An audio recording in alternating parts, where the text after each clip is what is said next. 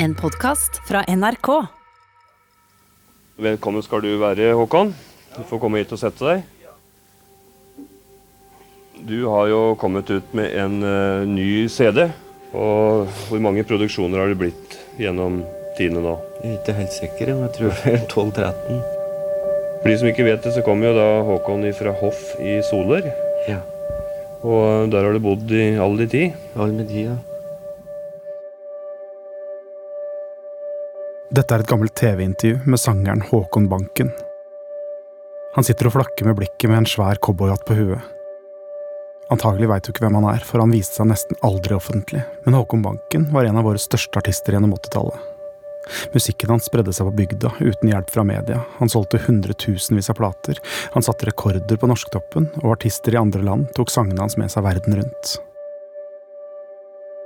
Hvordan er det med opptredener og Nei, det er jeg dårlig med, gitt. Jeg liker meg ikke på scenen, da. Gjør ikke det? Du liker det ikke noe særlig her? Nei, jeg ikke det.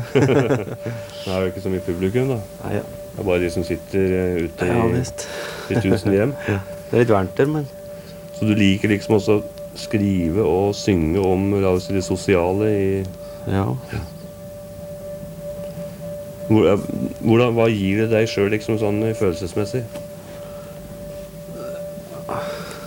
Får du ut noe Jo, det hjelper jo selvfølgelig. Jeg har jo skrevet mye under depresjonsperioder og slik, og jeg føler det har hjulpet meg også. mm. Akkurat. Til å skrive meg ut av det, liksom. Ja. Det fins ingen andre TV-intervjuer enn dette fra TV Hedmark i 1991. For Håkon Banken ville ikke på TV. Han ville ikke spille konserter, han ville ikke verden rundt. Han ville ingen steder, egentlig. Håkon Banken ville bare være hjemme. Med det samme vi kom ut med den aller første platen hans, så gikk jo den som vi aldri trodde våre egne øyne. Altså. Og det ringte folk hele tida skulle ha han til å opptre. Det var liksom, det var så ekte. Altså, han sang på en måte så jeg forsto han. Flere som har fridd til meg fordi at jeg er dattera til Håkon. Ja,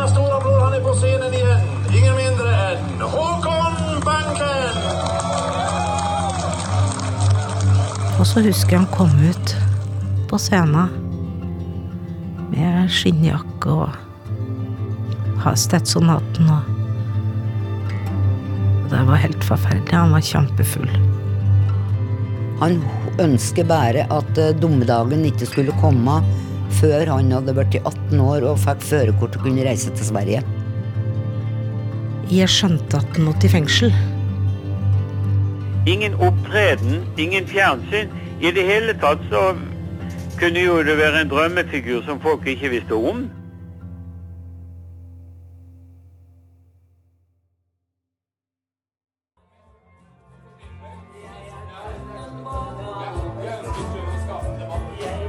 Den aller første gangen jeg hørte om Håkon Banken, var den uka han døde.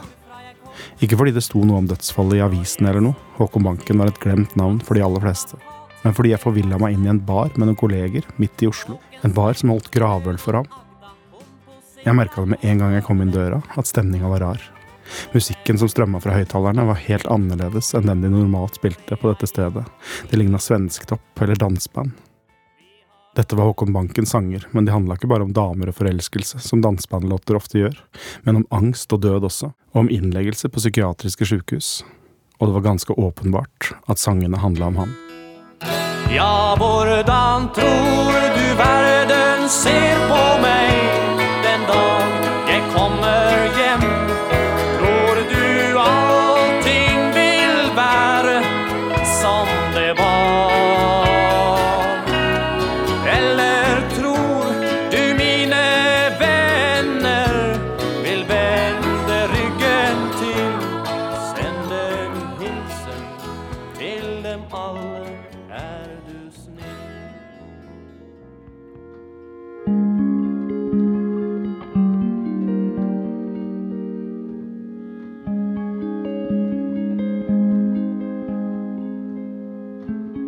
Jeg blei nysgjerrig på Håkon Banken den kvelden i baren.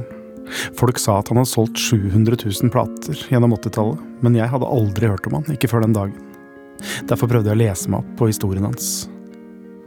Men så var det ikke noen historie. Historien om Håkon Banken fantes ikke. Det var noen notiser her og der, men utover det ingenting. Dette er balladen om Håkon Banken. Jeg heter Joakim Førsen.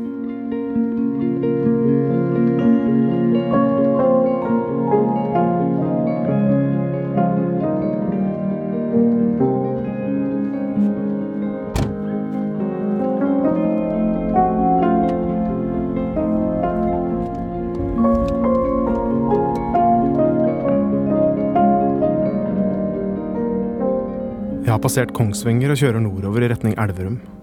På høyresida mot øst ligger Finnskogen og Sverige, og på venstre flyter Glomma. Det er flate åkre og klynger med bjørk på begge sider av veien, men selv om jeg bare har kjørt en drøy time ut av Oslo, kjenner jeg ikke igjen navna på noen av disse stedene. Brandval, Tjura, Grinner, Namno, Arneberg. Dette er Håkon Bankens verden, og på denne første turen hit veit jeg nesten ingenting om ham. Men snart skal folk begynne å fortelle. Om Beatles-tilstanden i Sverige, og om den danske pølsemakeren som tok med seg Håkon Bankens sanger til Amerika. Snart skal de fortelle meg om hvorfor Håkon Banken bare ble borte da han var på sitt mest populære. De skal fortelle om ulykken og om dommen, og om den ukjente mannen Håkon Banken møtte da han var innlagt på psykiatrisk sykehus. Alt dette og veldig mye mer skal folk fortelle meg om, men nå, når jeg er på vei innover i disse tynt befolka grenseområdene for aller første gang, veit jeg bare én ting. Hvis jeg skal få svar på hvem Håkon Banken var, så må jeg leite her.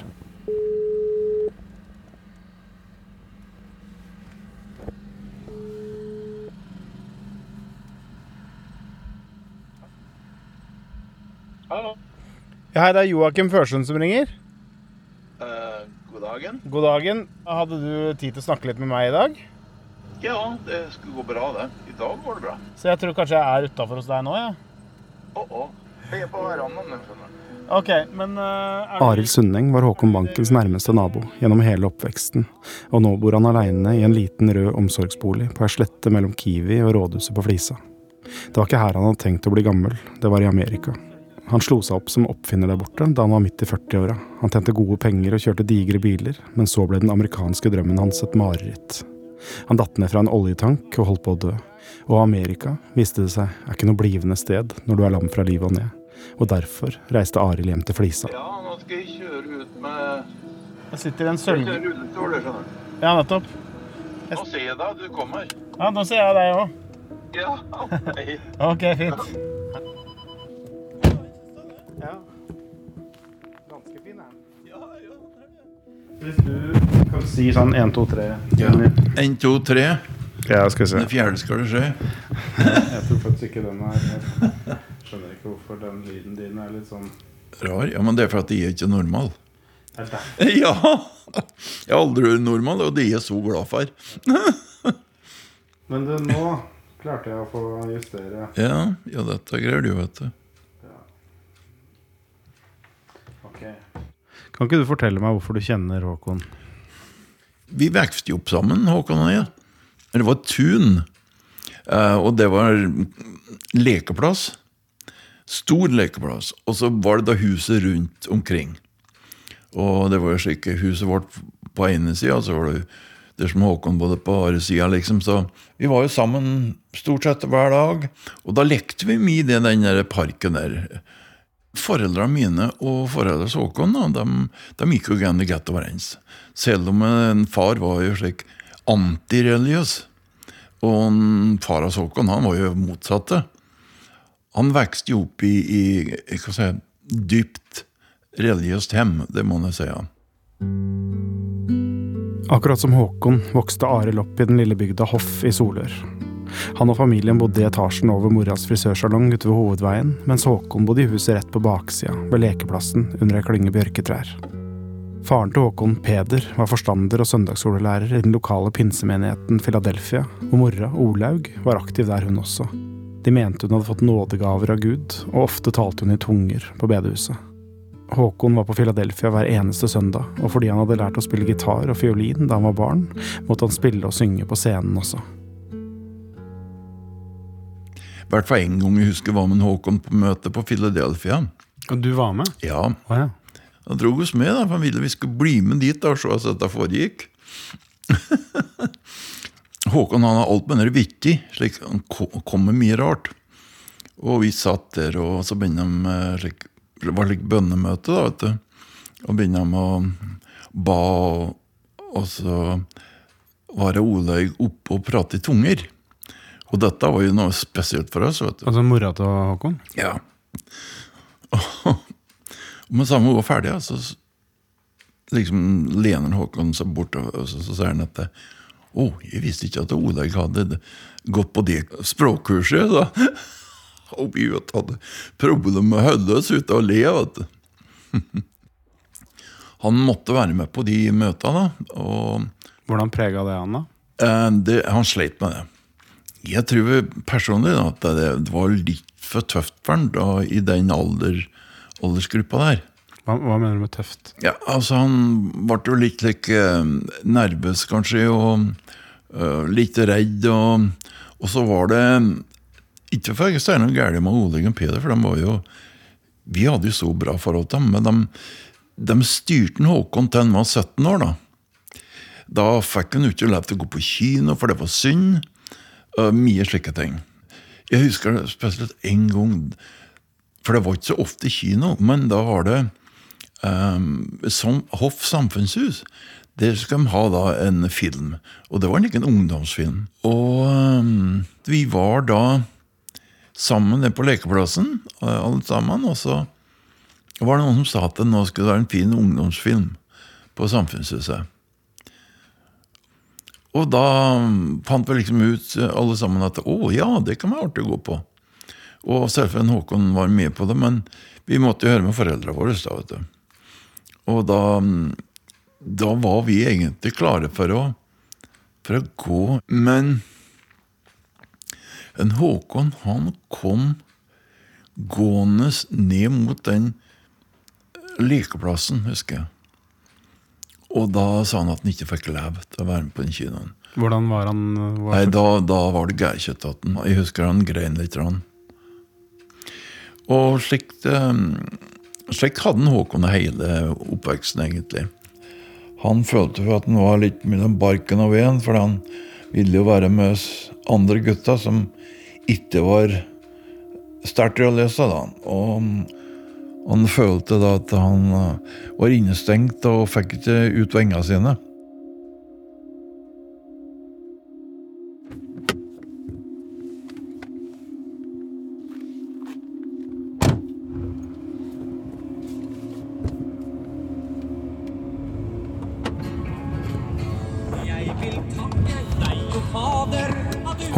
Banken starta sin musikalske karriere på bedehuset. Helt fra han var liten, sto han foran menigheten og spilte fiolin og gitar og sang. Men som oftest sto han ikke der aleine, men sammen med den fire år eldre søstera si, Ragnhild. Det er henne jeg er på vei til nå. Jeg kjører sørover, langs svenskegrensa, inn i Østfold og over brua fra Fredrikstad til Kråkerøy. Der stopper jeg på en liten høyde foran et lavt, grått hus.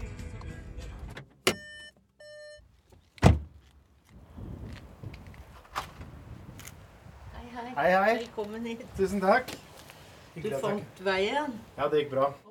Jeg har kokt kaffe og noe å bite hvis du vil ha. Ragnhild Skåren Banken står i døra. Hun flytta hit fra Solør da hun var tenåring.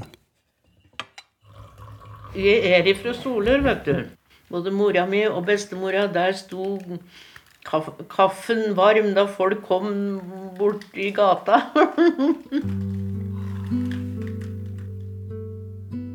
På veggen i gangen henger et flyfoto av Det hvite huset under bjørketrærne i hoff, og på bordet har Ragnhild satt fram snitter og makroner og en bunke med gamle album.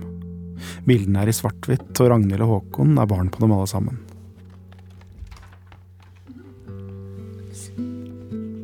Det første bildet jeg vet at vi har av Håkon. Der er han fire måneder. Det er moren min. Eller vår. Og det er farmor. Ja, det er faren min og jeg. Med hver deres gitar? Ja, ja. Pappa og alle søsknene hans sang og spilte gitar. Og, og, og Bertha, altså farmor og, og greier, så han fikk sin egen lille gitar da han var ni år. Kan du ikke si et par ord om moren og faren din? Eh, mamma hun var hjemmets kvinne. Veldig snill. Hjalp alle hun kunne. Og faren min var da søndagsskolelærer. Så eh, da var vi jo på søndagsskolen hver søndag. Hva gjorde dere der? Ja, vi fikk jo høre bibelhistorie, først og fremst. Og så var det jo mye sånne søndagsskolesanger og Og så der Håkon og jeg ble jo Ja, vi var jo en av ungene der.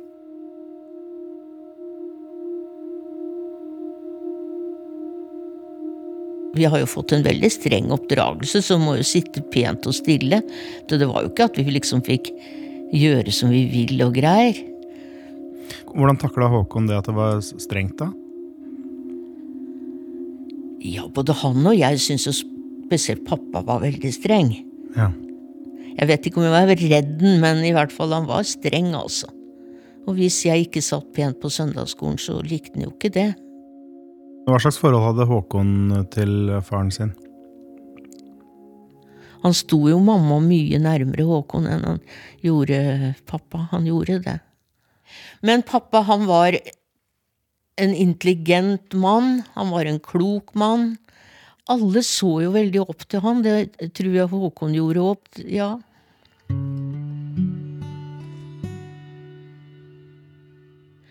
Vi var en klasse på 20, og da var det jo en til og jeg som ikke var døpt som barn da. Så det var jo et skille, og vi Altså, jeg er blitt kalt pinsepipa av gutta i klassen og sånn, men jeg brøy meg ikke noe om det. Men jeg tror at han var Altså, vi er veldig forskjellige av natur. Han var mer sårbar enn jeg er og var. Hvordan ga det seg utslag? Ja, jeg tror at han kanskje tok seg mer nær av ting som ble sagt inn og sånn.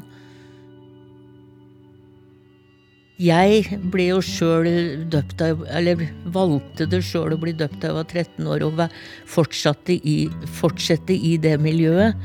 Men hvis du på en måte ikke tar et bestemt standpunkt, så er det klart at det, det, det kan bli Sikkert virke veldig trangt og vanskelig. Snakker du om Håkon nå?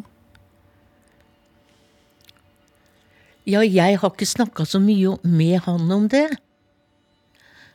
Men det er klart at han Han Ja, han måtte etter hvert så, så ville jo han sikkert leve mer et sånt liv som en del av kameratene. Og han begynte jo å røyke ganske tidlig, og, og han var jo ikke noe avholdsmann etter hvert, sånn som foreldra mine og jeg er.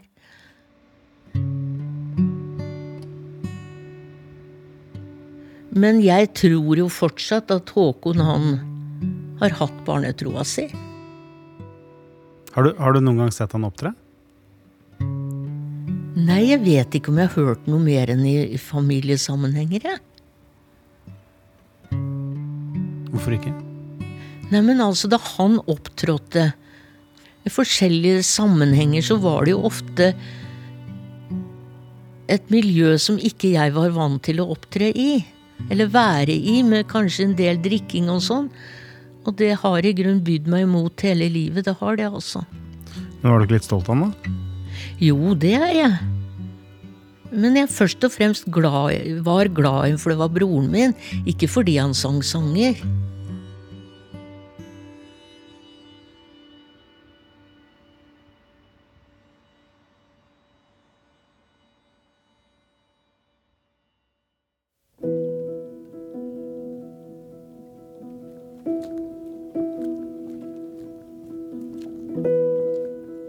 Ikke mange spor etter dansebandartisten Håkon Banken når vi leiter i barndommen hans.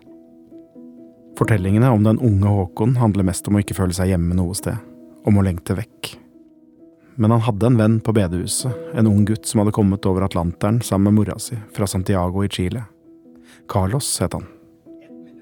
Gikk rett og finne fram, ja. Men jeg kjørte gjennom blokkene og så ned Du, så du kommer ovenfra, du, nå?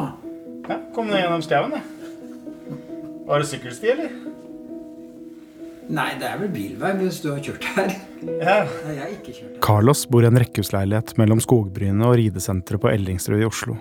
Han har søramerikanske landskapsmalerier på veggene, et isbjørnskinn fra Svalbard på gulvet, og på bordet er det dekka med vafler, kake og engelsk konfekt. Jeg, jeg tipper jeg var ca. to år når jeg starta på søndagsskolen. Og Håkon da var jo ett år eldre enn meg. Kan du si litt om hvordan dere barna opplevde å være del av den menigheten? Det man kanskje husker mest, det var disse vekkelsesmøtene som eh, var på, på sommeren, da, når vi hadde teltmøter. Det var ganske stort telt da, hvor det kunne være flere hundre innenfor. Og der kunne også være andre som var der for å drive mobbing, eller eh, eh, ungdommer kunne stå utafor og kaste stein på teltet. Så kom folk til møtene for å mobbe? Ja. Ungdommen kom på mopeder og kunne ruse med mopeden. da. Ja, det var jo for å forstyrre. Så var, hadde vel både Håkon og vi, og vi som tilhørte uh, menigheten, da vi, vi likte jo ikke dette, selvfølgelig. At vi skulle bli trakassert eller mobba for, for det vi trodde på. Syns dere det var flaut at det sto jevnaldrende utafor og mobba dere? Det, eh, det, tror jeg også at vi nok eh, kunne oppleve, altså. Det tror jeg.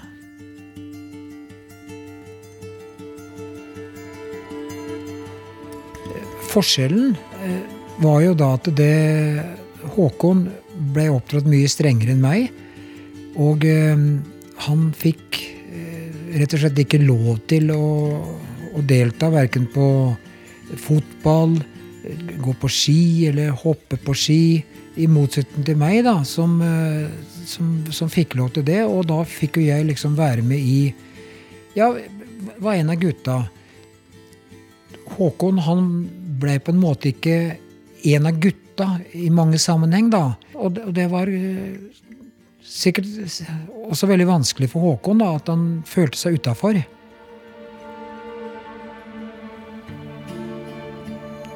Det var jo en drøm å komme vekk. Det må vi si. Hva mener du? Nei, altså det var jo, altså det var jo ganske trangt og smalt der vi var oppvokst. Så drømmen var jo egentlig å komme ut. Og, og den anledningen, den, den fikk vi da. Drømmen Carlo snakker om, er drømmen om Sverige. Han og Håkon hadde kjørt over grensa noen ganger på moped gjennom de dype skogene og over de lange slettene. De hadde kjøpt snus og spist korv og mos, de hadde satt seg i parker og glant på svenske ungdommer og drømt om å bo der en gang. Og nå skulle det skje. Håkon og Carlos fikk jobb som blikkenslagerlærlinger på en fabrikk som het Sementol i Göteborg, og de leide seg inn i en gammel togvogn for hjemløse nede i havna.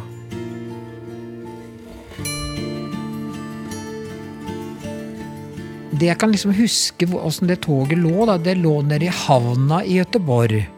Og, og det var for hjemløse.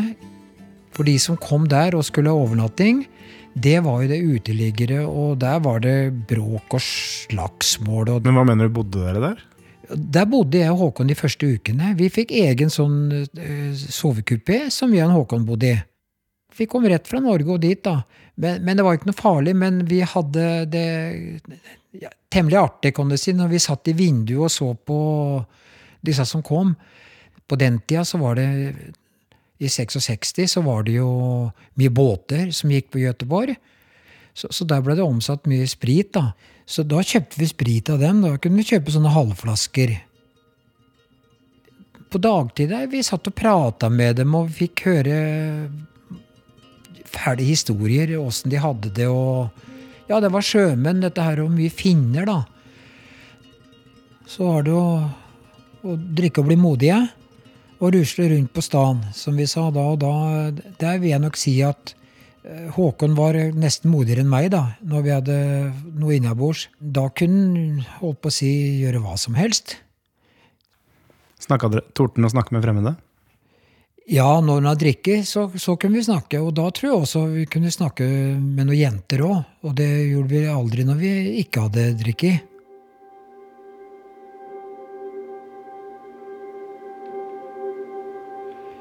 Nei, hver dag, da, så når vi skulle på, på Sementol, så og, og der måtte vi møte hver morgen. Og da tok vi trikken, eller spårvognen. Og eh, de var ganske fulle, de, de, de trikkene. Og da veit jeg at det Ja, han var rett og slett engstelig og, og nervøs for å nesten gå på trikken etter hvert. Hvorfor det?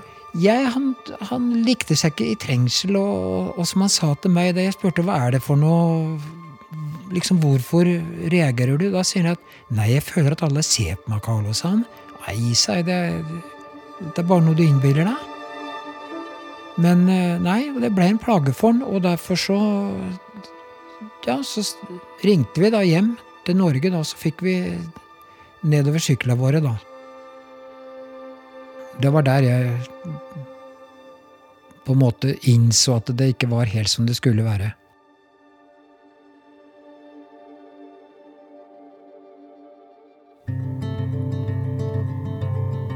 Carlos og Håkon ble i Göteborg i ett år og kom hjem til Solør i 1967. Gjennom 60-tallet hadde det vokst fram en helt særegen kultur oppover langs Glomma og i grensetraktene mot Sverige. Svenske ungdommer kom kjørende gjennom skogene i amerikanske biler. De hadde snus under leppa og bagasjerommet fullt av øl. De dundra opp og ned Kaffegata på Flisa med Sven Ingvars på bilstereoen. De spilte konserter på danselokalene, de sjekka damer, og de sloss. Bedehusgutten Håkon Banken hadde aldri gjort annet enn å stå i veikanten og glane lengselsfullt etter disse raggerne. Men han vendte ikke tilbake til Philadelphia da han kom hjem fra Göteborg. Han blei med Arild og de andre kompisene på moroa isteden. Kan du fortelle om, eh, om hjemkomsten hans? Hva slags person han var da han kom hjem? Jeg må jo si vi hadde innmari mye moro da.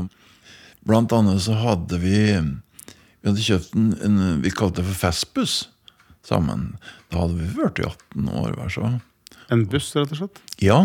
En minibuss som bare kjører på fest og har edru sjåfør hele tida. Og dette var en buss som het Barkas. Han var laga av Tsjekkoslovakia. Totakter, og dette var noe alvorlig greier. Og, og da husker jeg baken så laga jeg sofa rundt, liksom, og, og så var det et ølbol, ølbord, som vi kalte det. Um, der laga jeg et bord med helg, så at uh, flesken skulle komme ned igjen. Vet det stå der som ikke uh, spilte ut. Og, og der satt vi da og sang og spilte. Håkon hadde gitaren der, og i et skap der hadde vi fullt i sanger som blant annet han hadde skrevet. Og Hva slags sanger da? de er eh, litt over kanten. Det er eh, for grove til å nevne. Men vi, vi var jo med og sang, da. De, de melodiene. Det var fine sanger, men det var bare at det var litt på kanten. Litt på, på gærne siden, da. det var jo, gikk mye på øl. At eks, svensk eksportøl, det var jo liksom kremen. da, vet du. Eh, Begynte å drikke, og så ble det en skikkelig humør og sa så mye rart. Vi lo av den. Men så tippet det over da han fikk for mye. Han eh, var oppe i Våler, og da hadde han fått drukket litt for mye. Kom i, i tåta på en eh, det vi kalte for tater da, i gamle dager. Og mm, Håkon hadde tigget tellefart og, og smelte til denne eh, tateren. Altså han gikk over border og ble liggende i, i krok. Så da kom jo politiet dit, og jeg tror sykehusveien kom òg. Og Håkon han gikk, for da skal han prøve å finne ut hvem som hadde gjort dette. da, vet du. Så han Håkon han gikk opp til disse politigubba og lurte på om han kunne få hjelpe dem å finne han. Han visste ikke om at han hadde gjort det sjøl. Og Håkon visste ikke at han hadde gjort det sjøl? Han var, hadde drukket da Hvis han drakk litt for mye, da ble mye av det borte. For han brukte å sperre hjemme på søndagsmorgen. Gjorde de noe galt i, i nett? Var nervøs, da. Å ja. Etter det, da ble han livredd, altså. Å, wow. Eh, Var foreldrene til Håkon mye bekymra for han? De likte ikke den bussen vi hadde. For at det visste de, at det der foregikk ting som var synd. Og jeg husker at um, bestemora, Bertha, hun bodde også da i det huset der. Og hun er jo skikkelig religiøs. Og jeg husker da vi kom igjen noen ganger fra fest og slik, og eh, det hendte jeg lå over der, og da hørte vi ja, For jeg husker Håkon sa 'Hør på, hør på nå', sa han. Og da drev jeg og ba o- om ø, at den Håkon og jeg ikke skulle komme ut i synden. og Å ja. Oh, ja, så, det, så hun ba for at ikke dere skulle bli straffa av Gud? Ja, ba for oss. Det kom jo hver dag, også, for det var, det var liksom ikke slik jeg var vant til det, i hvert fall.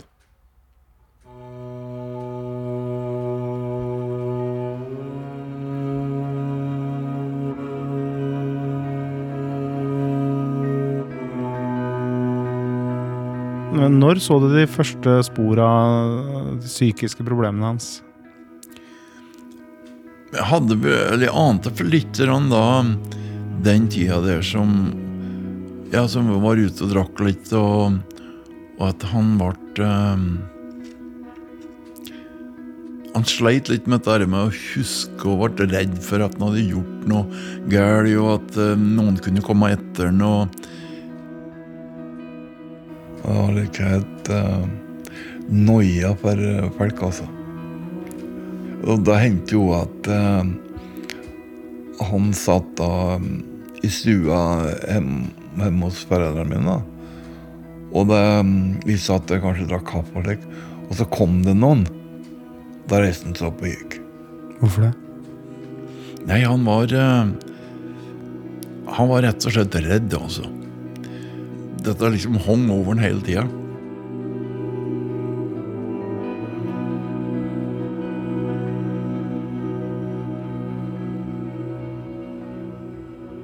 Arild og resten av gjengen som kjørte bekymringsløst rundt i Solør på slutten av 60-tallet, skjønte jo at Håkon sleit fra tid til annen med fylleangst og andre ting. Men det var ikke sånn at de var bekymra. Håkon tok strøjobb rundt omkring, som tømmerhogger i Värmland, grøftegraver på Lillestrøm og biloppretter hjemme i garasjen i Hoff, og i helgene festa han. Han sa ingenting om hva han tenkte på, at livet føltes tyngre og tyngre å bære, og at han snart bare så én vei ut av det. Så, en sommerkveld etter at Håkon Banken hadde passert 20, svelga han nedpå et helt glass med beroligende tabletter, tok med seg en pose med svensk øl og gikk bort til Arild og spurte om ikke de to kunne ta Amazonen en tur sørover langs Glomma.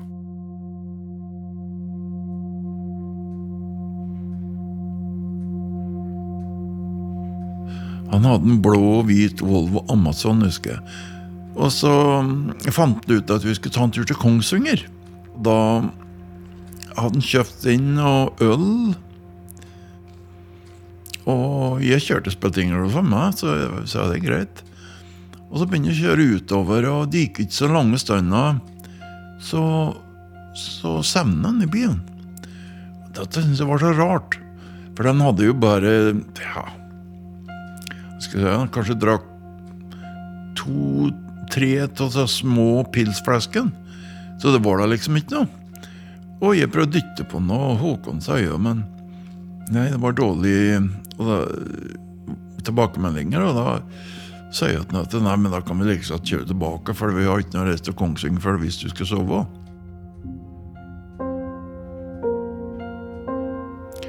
Og han sa ingenting, han bare svav, og jeg kjørte tilbake og bort til huset deres og prøvde å vekke opp, men fikk ikke liven.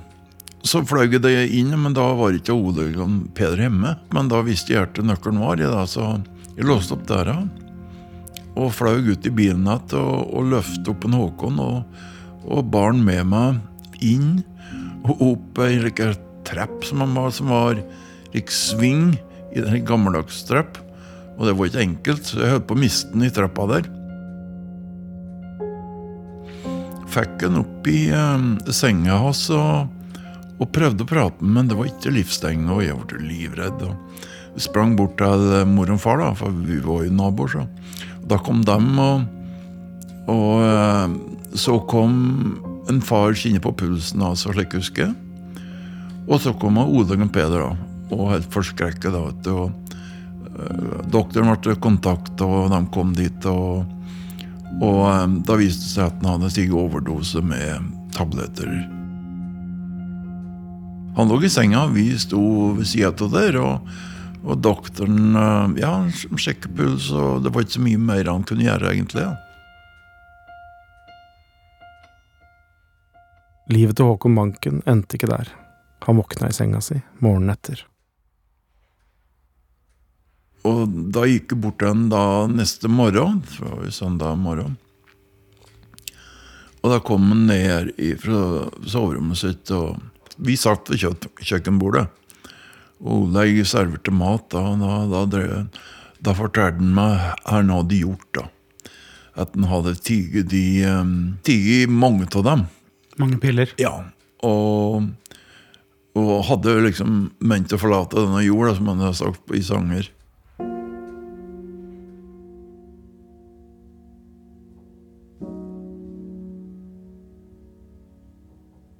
Håkon Banken ble kjørt til behandling på Sanderud psykiatriske sykehus utafor Hamar. Han ble der i noen uker, og så flytta han hjem igjen til foreldrene sine. Han og Arild fortsatte å kjøre festbussen rundt i helgene, og det er nå vi ser de første livstegnene fra artisten Håkon Banken, for nå dukker det opp et lydopptak. Det er ikke drikkeviser på dette opptaket, men en kjærlighetssang på svensk om ei jente fra Värmland som het Britt-Marie.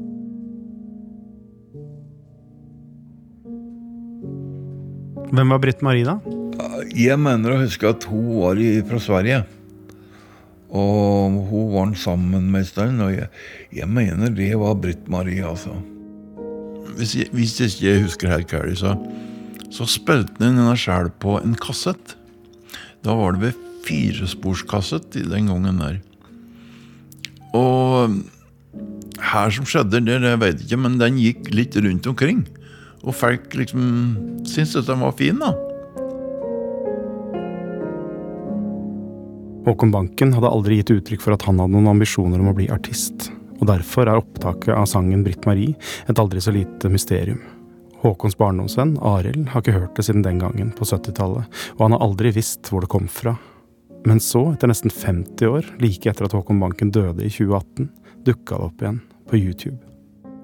Det sto ingenting om hvor opptaket kom fra, og ingenting om hvem som hadde lagt ut. Jeg skal bare vise at den ligger på YouTube. Skal bare se om det er det samme Å, ser du det? Den kassetten? Ja. Men Jeg trodde det var helt borte. Eller? Ok, skal du høre. Hører du noe nå? Ja, det er han. ja. ja. Mm. Jeg husker dette her.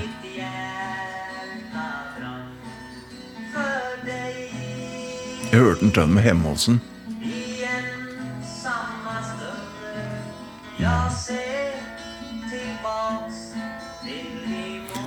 Er ti, har du funnet ut noen dato på den? 1970.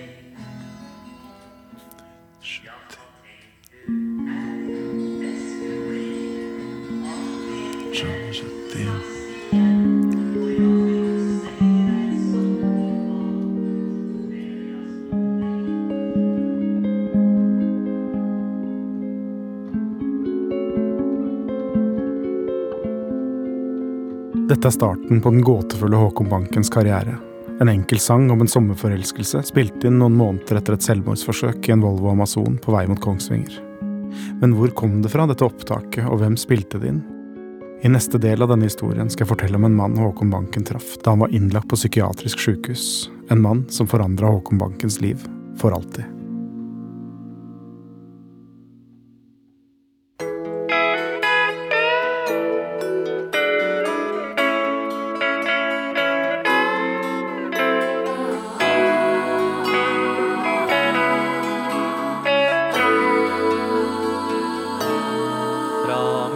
Lille hvite værelse jeg sender noen ord. Du har hørt første del av balladen om Håkon Banken.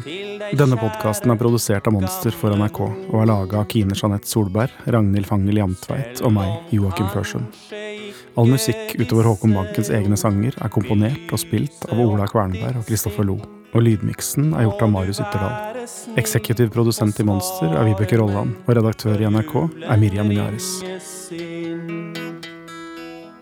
Ja, hvordan tror du verden ser på meg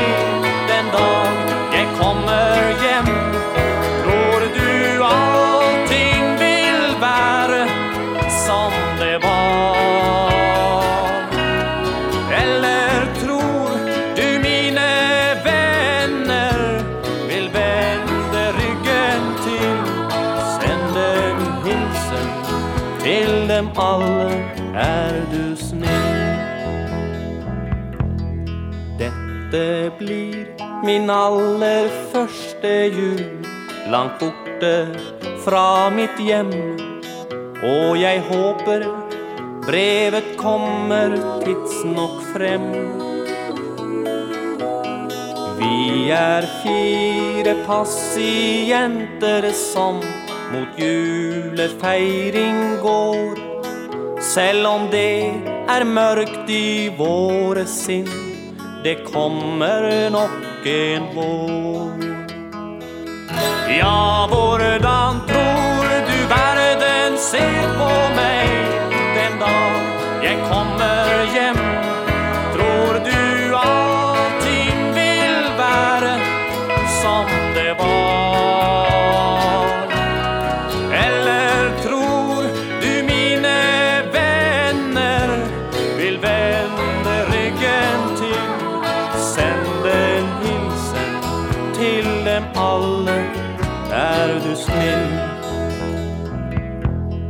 Jeg har sendt en liten pakke, og jeg håper du blir glad. Men den største gaven får du etter jul.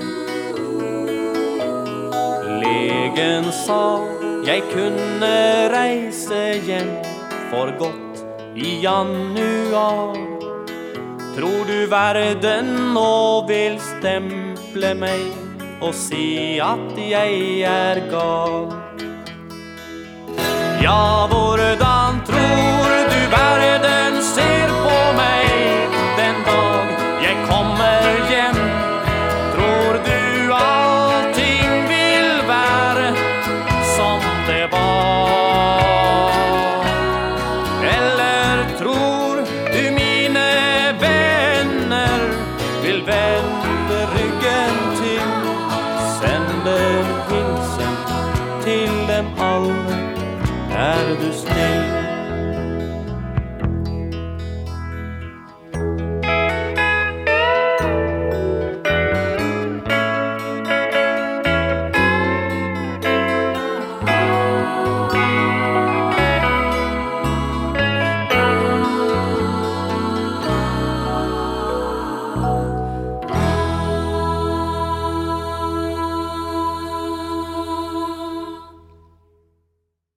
Du har hørt en podkast fra NRK.